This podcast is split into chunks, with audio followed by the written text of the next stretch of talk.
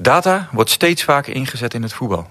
Of het nu gaat om spelers beter te maken, het analyseren van tegenstanders of voor het scouten van nieuwe spelers. Maar hoe zit dat bij FC Utrecht? En wat kan jij als amateursporter daarvan leren? En kleven daar ook risico's aan het gebruik van data? In deze aflevering praten we daarover met Head of Sport Science van FC Utrecht, Reiner van Gaal Appelhof en Thomas van der Meer, Data Solutions Advisor bij Linkit. We gaan de kleedkamer in.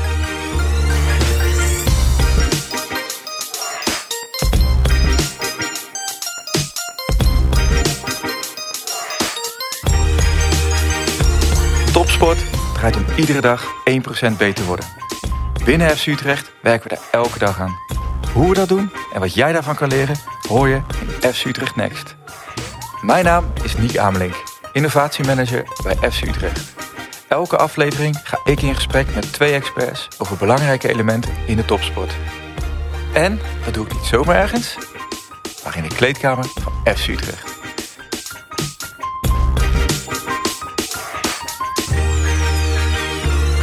Reiner, data is het nieuwe goud, wordt wel eens gezegd. Is dat ook voor een voetbalclub zo? Ja, inmiddels denk ik wel. Ehm, voetbal heeft lang de, het stempel gehad dat, je, dat we niet innovatief waren... en een beetje achter andere sporten aan uh, bewegen met datagebruik. Maar ik denk dat we een aardige inhaalslag gemaakt hebben. Dus uh, data die uh, leert ons, geeft ons nieuwe inzichten. Zo wordt het gebruikt. En dat helpt ons om, om het plafond van spelers en teams eigenlijk te, te verhogen. Dus ja, dat kan ervoor toe leiden dat, ja, dat, dat de prestaties beter worden. Dat het aantrekkelijker wordt om naar te kijken. Dus ik denk dat het op die manier indirect of direct... zeker wel ja, tot, tot een pot goud kan leiden. Kijk, mooi. Thomas, Welk nieuw inzicht heeft data jou ooit gegeven en is je bijgebleven?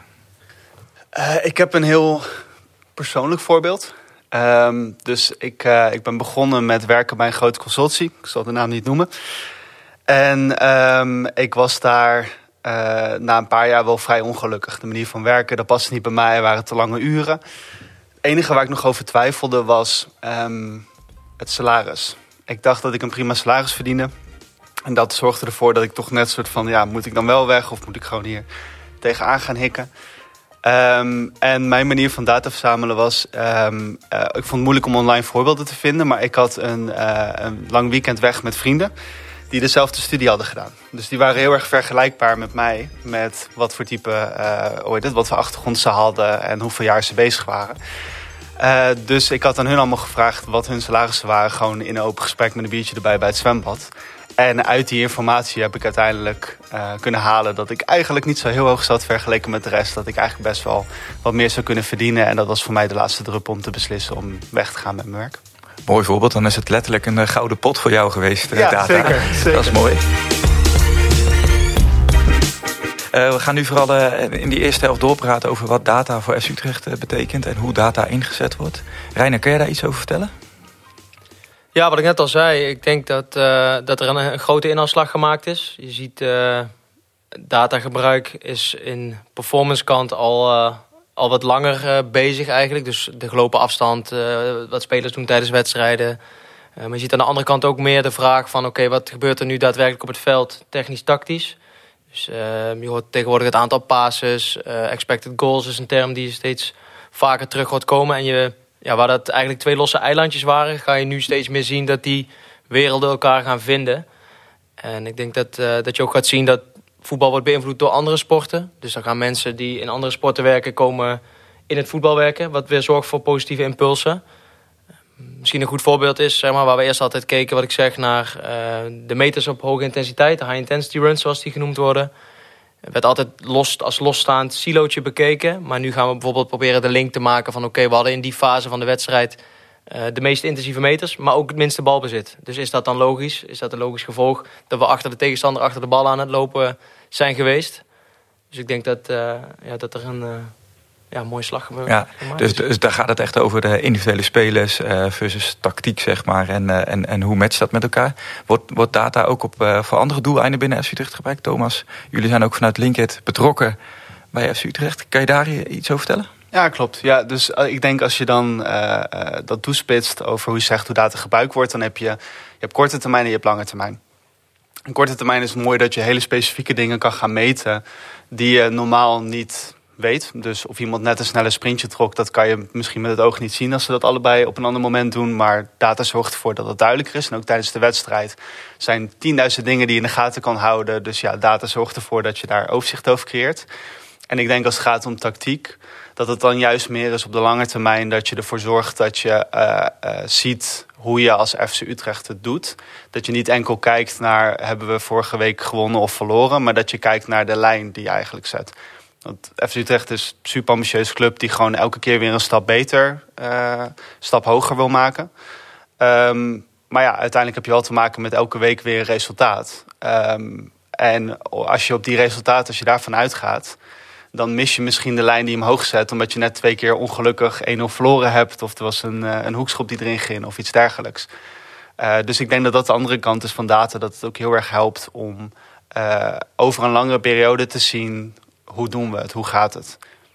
Waar wij in geholpen hebben is eigenlijk die data verzamelen op één plek. Dus ja, ik denk Reiner noemde al vijf verschillende datasoorten uh, in het ene voorbeeld wat hij gaf. Nou, er, komen nog veel meer dingen bij kijken. En uh, al die data wil je op één plek verzamelen, zodat je daar de analyse kan doen. Want het is waardevol om één stuk data te analyseren en dan een conclusie te trekken. Dus bijvoorbeeld inderdaad wat voor sprinters zijn getrokken. Maar het is nog waardevoller als je dat kan combineren met de intensiteit gedurende de hele wedstrijd. En over de laatste vijf wedstrijden. En ook gedurende de training. En ook de, niet alleen maar de sprintjes, maar ook de kilometers die gelopen zijn. Al die onderdelen. Ja, want, want Thomas, toen jullie kwamen, waren al die losse data, was er wel. Alleen dat was nog niet verbonden aan elkaar. Jullie hebben ervoor gezorgd dat dat bij elkaar kwam. Moet ik het zo zien? Ja, twee specifieke soorten data. Dus als het ja. gaat om performance, uh, daar waren eigenlijk al heel veel metingen en werd ook al gewerkt met een dataplatform, toch Heine? Om ja, dat uh, te analyseren. Klopt, ja. ja. Ik denk dat wat ik zei in de intro, performance al langer data verzameld, maar dat het inderdaad meer losstaande eilandjes waren. En uh, ja, jullie hebben ons inderdaad geholpen om dat meer gestroomlijnd te maken en inderdaad op een centrale plek weg te zetten. Dat het gebruiksvriendelijker en makkelijker wordt om mee te werken. En Reiner, want jij bent nu zes jaar in dienst bij FC Utrecht. Ja, klopt. Uh, wat is in die tussentijd veranderd? Of hoe was de situatie toen je kwam rondom data en hoe is die nu? Ten eerste is er meer uh, acceptatie voor het gebruik van, uh, van data. Door wie? Um, doorheen heel de club. Eigenlijk van, van bovenin, vanaf management tot, uh, tot aan hoofdtrainer, spelers toe. de mensen waar ik dan in ieder geval dagdagelijks direct mee, mee in aanraking kom. Die ook de gouden pot zien. Ja, die ja. uiteindelijk, ja, klopt. En ehm, ja, daar, daarnaast heb je dus inderdaad meer uh, de eventdata, zoals ze dat dan noemen. Wat, wat jij zegt, uh, Thomas, uh, het aantal passes en dergelijke.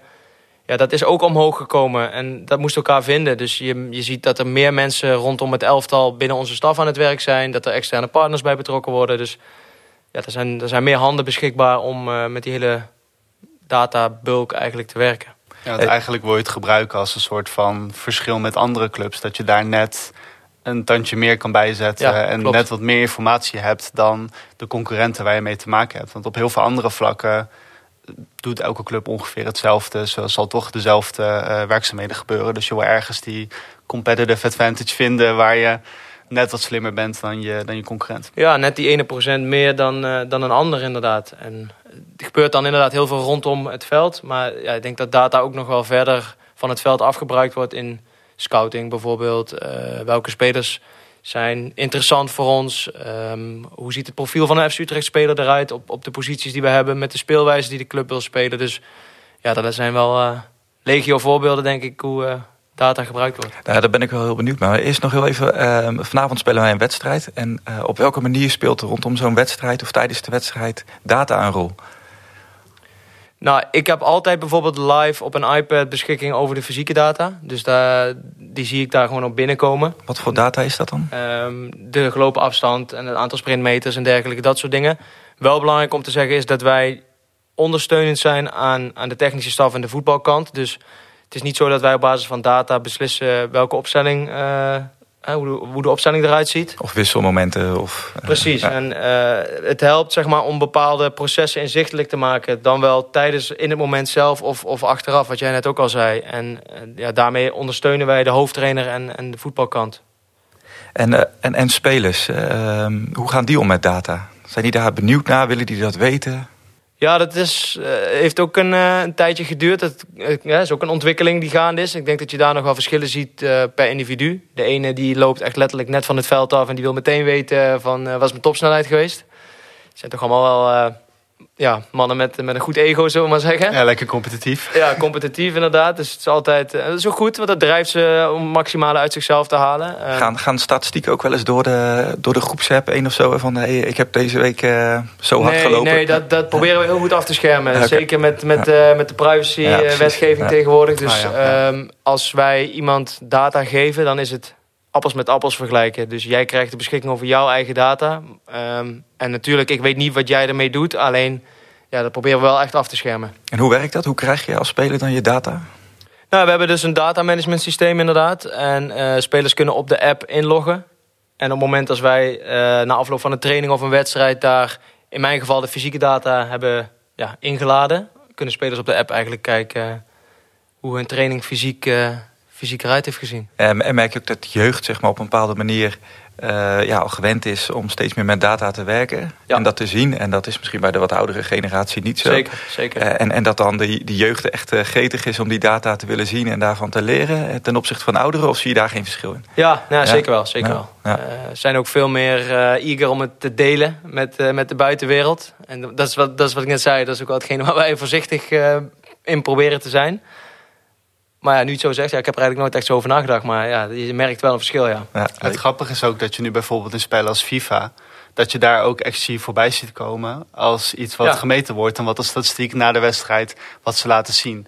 Dus de, de, huidige generatie die groeit veel meer op met data, ziet dat veel meer voorbij komen, is veel meer onderdeel van hun leven. En dan is het niet ongewoon inderdaad om dit soort op te vragen. Terwijl ja, als je dat niet gewend bent, als je van een oudere generatie bent, laten we zeggen, ja. Uh, dan, dan is het ja, toch iets ja, raars. En uh, jij zei ook wat data voor jouw eigen leven, uh, ja, waar dat toe geleid heeft. Hè? Dus jij bent natuurlijk financieel onafhankelijk geworden door, door jouw onderzoek wat je hebt gedaan. Dat is een ruime interpretatie, okay. maar ja. maar, maar jullie zijn natuurlijk al een tijdje actief ook binnen FC Utrecht. En is er data, of heb jij nieuwe inzichten ook binnen FC Utrecht ontdekt of gezien die, ja, in jullie onderzoek en in, wat jullie hebben samengebracht? Ja, wij hebben voor FC Utrecht hebben wij voornamelijk aan de achterkant gewerkt. Dus wij hebben vooral ervoor gezorgd dat de techniek goed staat. Om ervoor te zorgen dat die data verzameld kan worden. Maar ook dat de analisten ermee aan de slag kunnen. Dus um, uh, als je bijvoorbeeld kijkt naar, uh, stel dat je je eigen financiën bijhoudt. Voor de meeste mensen is dat lastig, want als je naar, uh, ik zit toevallig bij ING, als je bij ING zit en je wil dan je gegevens downloaden van wat je allemaal betaald hebt over de laatste maanden, dan krijg je eigenlijk gewoon een kolom in Excel met alle data erin geplakt. En voor iedereen die niet weet hoe die met Excel moet werken, wat denk ik 99% van de mensen is, heb je geen idee hoe je daarmee verder moet. Uh, wat wij dus gedaan hebben is uh, hetzelfde voor de data hier bij FC Utrecht. is ervoor gezorgd dat het inzichtelijker wordt. Dat niet alleen verzameld wordt op dezelfde plek, maar dat een data-analyst er ook bij kan op de manier waarop zij willen werken. Uh, dus dat betekent niet per se de rapportjes maken, maar wel de data zo maken dat die rapporten er makkelijk uit kunnen komen. En ook dat je onderdelen kan automatiseren. Want het is gewoon zonde als je het grootste deel van je week bezig bent met het klaarzetten van data als data-analyst zijnde. En dat je dan nog maar ja. één dag nodig hebt. Ja, ik zie je knikken inderdaad. Ja, herkenbaar. Ja, om, om, om de analyse te doen. Dus je wil juist dat alles op een manier klaar staat. Dat je gewoon kan focussen op hetgene waar je goed in bent.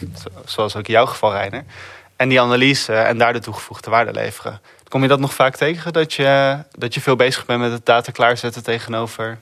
Steeds minder. Um, in het begin inderdaad waren het heel veel losse bestanden die overal en nergens stonden. Dus het kost veel tijd om, om de data te verzamelen en verwerken. Eh, om uiteindelijk tot een inzicht te komen. En voor ons het doel, wij noemen het altijd het 80-20 principe. Hè, waar, we net over hadden, aan 80% van het werk zit aan de achterkant.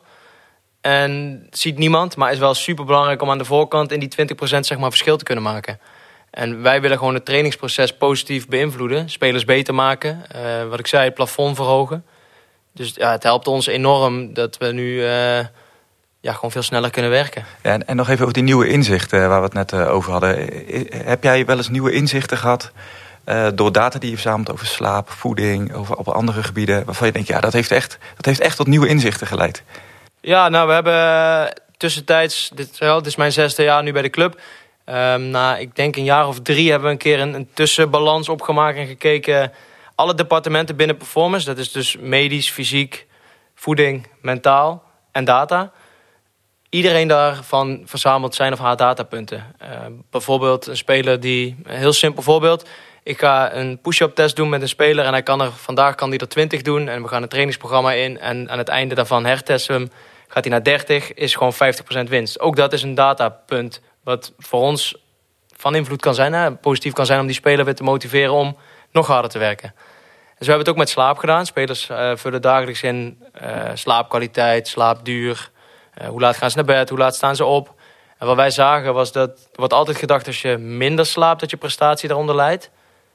Of dat de kans op blessures vergroot. Maar wij zagen juist ook het tegenovergestelde. Dus spelers die langer zijn gaan slapen dan hun gemiddelde... hadden een verhoogde kans op het oplopen van een blessure. Dus Wat bijvoorbeeld, ja. ja. Zo heel erg counter. Uh, helemaal, helemaal tegenovergestelde van wat je misschien verwacht. Maar je hebt wel eens te maken met periodes, interlandperiodes... waarin spelers een aantal dagen vrij krijgen... en ze dus een ander ritme gaan volgen. En, en dan zag je in de data dus dat een speler X... Had, uh, die sliep langer in die periode... Ja. en raakte dan ook nog geblesseerd. Ja, niet, niet één op één, maar inderdaad, er was een verhoogde kans. En dat ja, heeft ertoe geleid dat wij spelers adviezen mee hebben gegeven gedurende zo'n periode van nou, behoud nou je rust, ritme en regelmaat. Um, ga op hetzelfde tijd min of meer naar bed, sta op dezelfde tijd min of meer op. Um, zodat als je terugkomt en je moet weer terug in je normale dagelijkse ritme, dat je lichaam daar ook weer klaar voor is. Mooi. Ja, uh, ja volgens mij een supermooi voorbeeld. En um, data wordt volgens mij ook wel eens ingezet voor het analyseren van tegenstanders. Hoe werkt dat? we hebben een videoanalist um, die bekijkt sowieso de beelden. Uh, belangrijk voor ons is dat data wordt gebruikt, maar we willen altijd dat er nog naar wordt gekeken door een professional. Of dat nou een trainer is of de videoanalist of, of ikzelf. Um, ja, in de aanloop naar een wedstrijd worden gewoon meerdere wedstrijden bekeken, maar ook uh, datapunten waar, waar je net aan refereerde, Thomas. Uh, over langere periode ontwikkelt een team een bepaalde speelstijl hoe gaan wij ons daar tegen wapenen? Waar liggen de kansen? Waar liggen de gevaren? En op die manier ga je eigenlijk een tegenstander in kaart brengen... en daar je eigen plan op maken, daarop trainen. ga je na afloop van de wedstrijd kijken of dat uh, ook het gewenste resultaat heeft gehad. Maar krijgen wij dan bijvoorbeeld, uh, zoals als we vanavond voetballen... de data dat de tegenstander enorm goed is in standaard situaties... of heel veel vroege voorzetten geeft vanaf links. Zijn dat ook data ja. die wij binnenkrijgen en waar we wat mee doen? Ja, nou, dat zou, het zou inderdaad een voorbeeld kunnen zijn, ja zeker. Ja. En zitten daar ook, uh, ja, wat, wat, wat, zitten daar potentieel ook gevaar in van uh, kijken naar data en het analyseren van tegenstanders en wedstrijden? Ja, je moet altijd een interpretatie maken. Dus dat is ook wat je aangaf, is dat je kan niet enkel op de data uh, alle beslissingen maken. Je hebt nog de, de beelden nodig, je hebt je eigen voetbalverstand nodig om uiteindelijk te beslissen wat die data voor jou betekent en wat voor beslissingen je erop moet maken. Want ja, data is niet heilig. Het is enkel inderdaad een middel met het doel om uh, voorbereid te zijn, om, om, om slimme aanpassingen te maken in de opstelling, al dat soort onderdelen. Dus je zou ook niet een geautomatiseerde voetbalclub kunnen hebben. Uh, en dat zou je ook nooit kunnen hebben, maakt niet uit hoe goed je AI is. Want je hebt gewoon die, die, die mannen nodig die al jaren in het vak zitten die gewoon begrijpen hoe zo'n voetbalteam in elkaar zit. Wat, uh, wat zo'n slaappatroon ook met een jongen doet op het moment dat je bepaald advies geeft. Of naar al die onderdelen. Um, om uiteindelijk de juiste beslissing te maken. Ja, dus, dus als, uh, dat ik het begrijp, dus de, en uh, uit de analyse blijkt uh, dat een, een tegenstander nou, 60% van de aanvallen, of gevaarlijke aanvallen, ging over hun linkerkant. Mm -hmm. Dus dan zou je kunnen zeggen, laten wij vooral die, uh, die linkerkant dichtzetten. Want daar zijn ze het meest gevaarlijk over. Maar het kan natuurlijk zijn dat de tegenstander misschien wel bewust die linkerkant heeft opengezet. Ja, dat is omdat... wel grappig dat je het zegt. Want precies dit voorbeeld heb ik laatst een keer in een gesprek gehad. En ik denk dat het inderdaad super belangrijk is om uh, met een aantal stakeholders gesprekken te voeren. Als in een hoofdcoach en een technisch directeur. En dat zij aangeven met welke problemen zij werken en welke vragen zij hebben. Zeg maar. En dan gaan wij nadenken, oké, welke datapunten kunnen we daarvoor inzetten om te helpen om die vraag misschien te beantwoorden of een nieuw inzicht te krijgen. En wat, precies het voorbeeld wat jij net zegt. Wij zagen in de aanloop naar een wedstrijd dat uh, een bepaald team over de linkerkant veel succesvolle voorzetten gaf. Dus daar kwam in ieder geval een doelpoging uit en zelfs doelpunten. Maar iemand gaf terecht de vraag: komt dat misschien omdat in de periode daarvoor precies aan de overkant hetzelfde beeld zichtbaar was, dus aan de rechterkant. Dus alle clubs die tegen die tegenstander hebben gespeeld, gaan de rechterkant, eh, of de linkerkant bij je eigen kant ga je dichtzetten. ja, dan komt er automatisch meer ruimte ergens Ja, anders op het veld. ja. En dat, dat maakt inderdaad, ja, je kan, je kan er eindeloos over blijven filosoferen en dat maakt het ook leuk. Maar dat is volgens mij, eh, en dat is wat ik volgens mij hier hoor, is dat data heel erg ingezet wordt als middel om het gesprek op gang te brengen, om Ja. eh, in, tot nieuwe inzichten te komen. Maar dat het echt een middel is en eh, niet per se een doel om, eh, om iets te bereiken. Ehm, wordt het ook voor scouting gebruikt, data? Ja, zeker. Ehm, dus eh, bij scouting wordt gekeken naar ehm, in andere competities wat voor spelers eigenlijk een bepaald spelersprofiel hebben wat past bij FC Utrecht. Hoe werkt dat dan? Eh, nou, ten eerste moet je weten wat een FC Utrecht speler is. dus je moet bepalen, want ja, je kan zeggen eh, van een aanvaller, hij moet eh, goed kunnen koppen, hij moet eh, snel zijn, eh, hij moet mee kunnen spelen eh, en hij moet ook af en toe een, eh, een assist geven.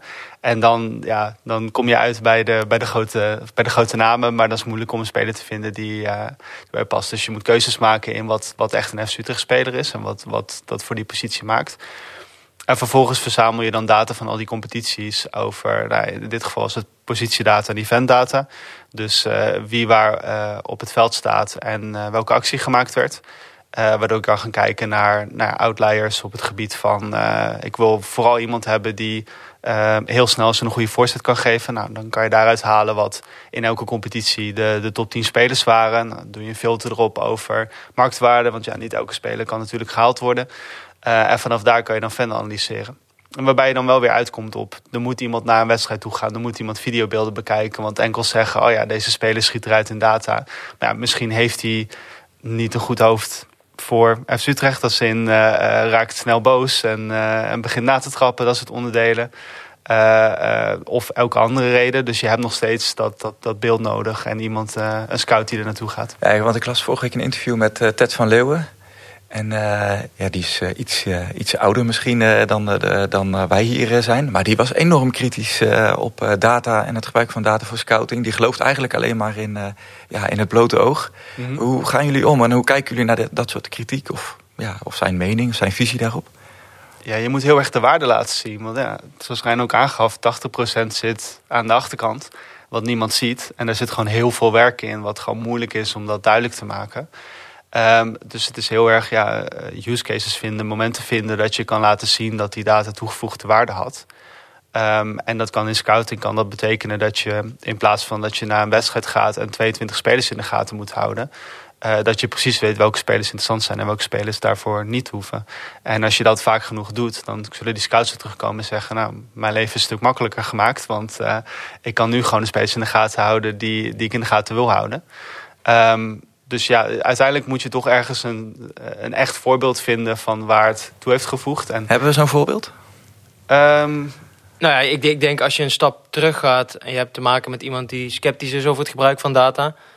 ehm, als jij met diegene in gesprek gaat over wat is nu in ons geval de ideale Utrecht-speler. Iemand die met energie speelt, die duels kan spelen, eh, lef heeft. Dus af en toe ook eens een risicovolle paas durft te geven. Ehm, dat je met, in dit geval met een technisch directeur gaat zitten. Ehm, en die kan met jou op zoek naar een bepaald profiel. En aan de hand daarvan, met zijn informatie die hij heeft gegeven, ga je voor hem zoeken. En inderdaad, daarmee stuur je dan inderdaad een scout op pad. Heel gericht met een korter lijstje dan 22 namen. En ja, dan heb je inderdaad een keer een, eh, een succesgeval nodig van een speler die wordt gehaald. En die op basis van data het goed heeft gedaan. En misschien weer een vervolgstap maakt. We hebben hier ook wel eens spelers gehad die, eh, die maar heel kort bij de club hebben gezeten. En die uiteindelijk weer de stap hebben gemaakt naar een grotere club. Hebben we is, een, is eh, Doefikas niet een voorbeeld van een speler die ook op, op basis van onder andere data gehaald is? Ja, ja, die is wel heel specifiek gescout inderdaad. Dus die, eh, ja, daar zit een heel plan achter om die ook te helpen nu weer door te ontwikkelen. En eh, ja, uiteindelijk weer een volgende stap te laten maken. Als ik het goed heb begrepen, was ook uh, Doefikas natuurlijk gehaald tijdens de coronaperiode. Dus dan is er ook veel, meer mo- veel minder mogelijkheid om Klopt. naar eh, andere landen toe te gaan om daar te gaan scouten. Eh, wat ik in ieder geval heb meegekregen was dat hij dus heel erg op dat dataprofiel was bekeken. Nou, daarna ga je natuurlijk wedstrijd, eh, ga je naar beelden kijken. Maar volgens mij was hij nooit door een, eh, door een scout gezien live voordat hij gehaald was. En dat is voor FC Utrecht is dat wel een grote, grote stap om te nemen. Ja, dat is misschien een van de weinige voordelen van corona. Dat je toch eens hebt gezien dat sommige dingen op een andere manier kunnen. En ik, ja, ik denk dat dit een goed voorbeeld is inderdaad. Leuk, interessant voorbeeld. En zijn er ook uh, dingen die je niet kan zien met data? Zo, goede vraag. Ja, je hebt maar zoveel data. er zijn zoveel dingen die je zou kunnen meten, die gewoon niet meetbaar zijn of die je niet mag meten zelfs.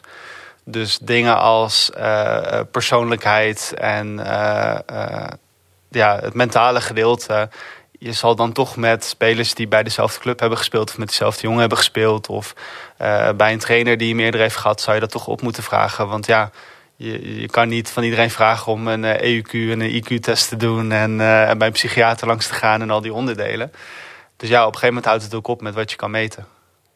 Ja, wij maken het ook wel mee in de overdracht van data. Als wij nieuwe spelers aantrekken, dan proberen we altijd bij de voorgaande club uh, informatie op te vragen. Hetzelfde als, er als onze spelers weggaan, dan bieden we het in principe ook aan. Maar de speler moet daarvoor wel een, een uh, toestemming geven, want het is uiteindelijk zijn data. Dus stel je wil een onderzoek gaan doen, um, intern zelfs al, dan moet je je spelers informeren. En ook als het gaat om jeugdspelers, je moet ouders informeren of zij toestemming geven dat de data van hun kind wordt gebruikt om uiteindelijk weer tot nieuwe inzichten te komen. Dus ja, het vraagt wel. Uh, ja, je moet, je moet er wel heel bewust mee bezig zijn. Ja. En, en over bewust eh, zijn gesproken, zitten er ook risico's aan het gebruik van data? Ja, het wordt heel snel en makkelijk ook misbruikt, denk ik. Je kan altijd op zoek gaan naar iets wat jou, hetgeen waar jij in geïnteresseerd bent om het te bevestigen. Um, dus nogmaals, uh, blijf het herhalen. Je moet goed weten waar je naar kijkt. En um, ja, ook weten zeg maar, vanuit welk oogpunt je naar data kijkt. En hoe voorkom je dat? Met ook, ja, in mijn optiek denk ik met elkaar erover praten en, en weten dat die, uh, dat die gevaren op de loer liggen. Uh, en ja. elkaar scherp houden misschien. Dat, dat je niet in je eentje tot een conclusie komt, maar dat je altijd meerdere standpunten ja, meeneemt voordat je tot een conclusie komt. En een stukje context, denk ik ook. Ja, een stukje zeker. niet een, een datapunt als een enkel datapunt zien en dan een interpretatie maken. Maar ook kijken naar alles wat daaromheen gebeurt om te voorkomen dat je te snel een conclusie trekt. Uh, dat je niet zegt van, oh ja, deze, deze speler sprint te weinig uh, tijdens de wedstrijd, dus die moet meer gaan sprinten. En dan blijkt het de keeper te zijn, dus dan maakt het helemaal niet uit dat er geen ja. getrokken werden. Ja. Uiteindelijk heb je heel veel context eromheen zitten. Het is natuurlijk een simpel voor, voorbeeld, maar het, nou ja, zoals je aangaf, het is makkelijk om één datapunt te bakken en daar dan een volledige conclusie op te, ja. Eigenlijk het voorbeeld wat we net gaven met uh, de analyse van de tegenstander. Veel aanvallen over de linkerkant. Ja, de, dat is eigenlijk de context hè, van ja, wat gebeurt er eigenlijk dan op het veld. Dus je moet dan die data altijd weer inzetten uh, ja, om, om die context goed te begrijpen. Waar, waarom dat gebeurde. Ja, dus altijd we moeten uitzoomen om dan uh, de juiste conclusie te trekken.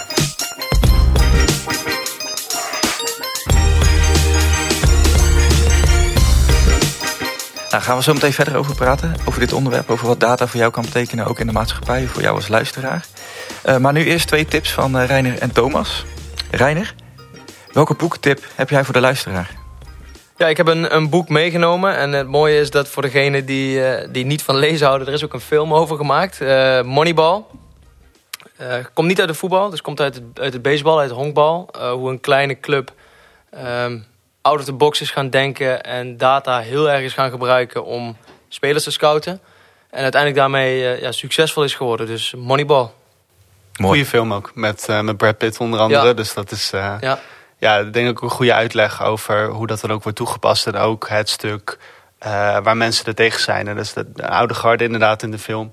Die helemaal niet zit te wachten op de data. En die heeft al twintig jaar op dezelfde manier gewerkt en wil gewoon zo blijven werken. En, dus ik denk dat het heel breed soort van uitlegt wat data doet met zo'n Ja, het is mooi dat iemand inderdaad gewoon heel standvastig is geweest. En, en overtuigd was van deze aanpak. En uh, ik denk dat hij het ook al heeft bewezen, ja. Dus zeker een aanrader. Op Netflix volgens mij uh, ja, te bekijken. Wel, ja. Ja. ja. klopt. klopt. Uh, Thomas, welke tijdschrift zou jij de luisteraar willen adviseren eens te bekijken? Ja, ik heb geen boek meegenomen, maar een online magazine. The Athletic. Um, ik volg Engels voetbal. heel veel. En um, The Athletic heeft eigenlijk een aantal journalisten voor elke club hebben ze binnengehaald die uh, breder kijken dan enkel de wedstrijdanalyse. En die ook veel doen met data en datavisualisatie. Dus eigenlijk elke um, artikel dat gaat over een speler of een club of een wedstrijd zit wel een stuk data in verwerkt. Maar ook de manier waarop ze het vormgeven. Want ja, je kan heel veel statistieken ergens ingooien, maar ook mooie grafiekjes en mooie lijntjes en alles soort onderdelen. Dat maakt het wat makkelijker te lezen.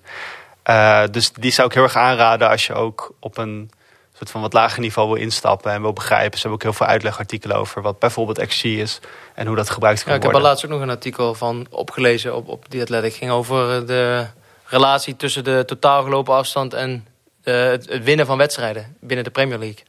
En dat bleek ook dat, dat het niet automatisch zo hoeft te zijn dat als je meer loopt dan de tegenstander, dat je dan ook een grotere kans hebt om te winnen.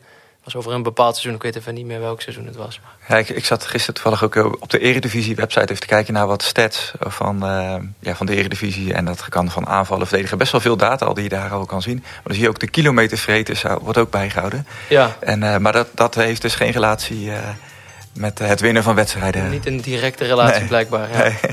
Mooi.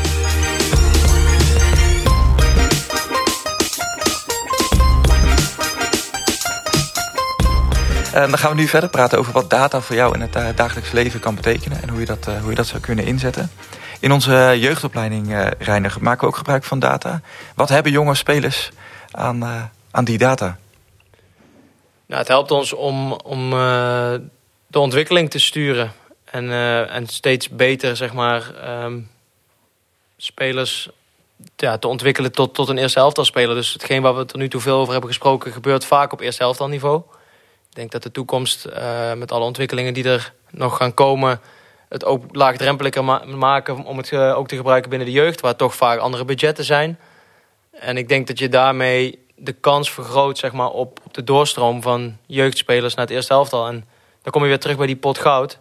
Het ontwikkelen van jeugdspelers en het verkopen daarvan... is uiteindelijk een strategie wat, waar veel clubs voor kiezen... om ja, om, om geld te genereren. Dus uh, ik denk dat daar, daar wordt nu al veel data gebruikt, maar ik denk dat dat nog steeds ja, meer zal gaan worden. En wat voor data um, ja, monitoren wij al in de, in de jeugdopleidingen voor blessurepreventie, groei? Of zijn dat dingen die wij. Ja, uh, ja? ja nou de, de groei wordt inderdaad bijgehouden. Dus over tijd wordt bekeken inderdaad ja, hoe ver spelers van peak height velocity afzitten, dus de groeispurt. Maar ook de fysieke data zoals het eerste elftal met GPS. Uh, we hebben vanaf de onder 16 tot en met het eerste elftal hetzelfde systeem. Dus spelers dragen een zender tussen de schouderbladen in een soort van hesje. Nou, nogmaals, dan komen daar de totale afstanden en de sprints en dergelijke uit. Dus we weten precies wat de ontwikkeling is van een onder 16 speler tot eerste elftal. Um, ja, dat, dat zijn nu... En de video, videoanalyse wordt ook daar ingezet. Dus ook weer de kwalitatieve datavormen. En wat, wat kunnen amateursporters hiervan leren?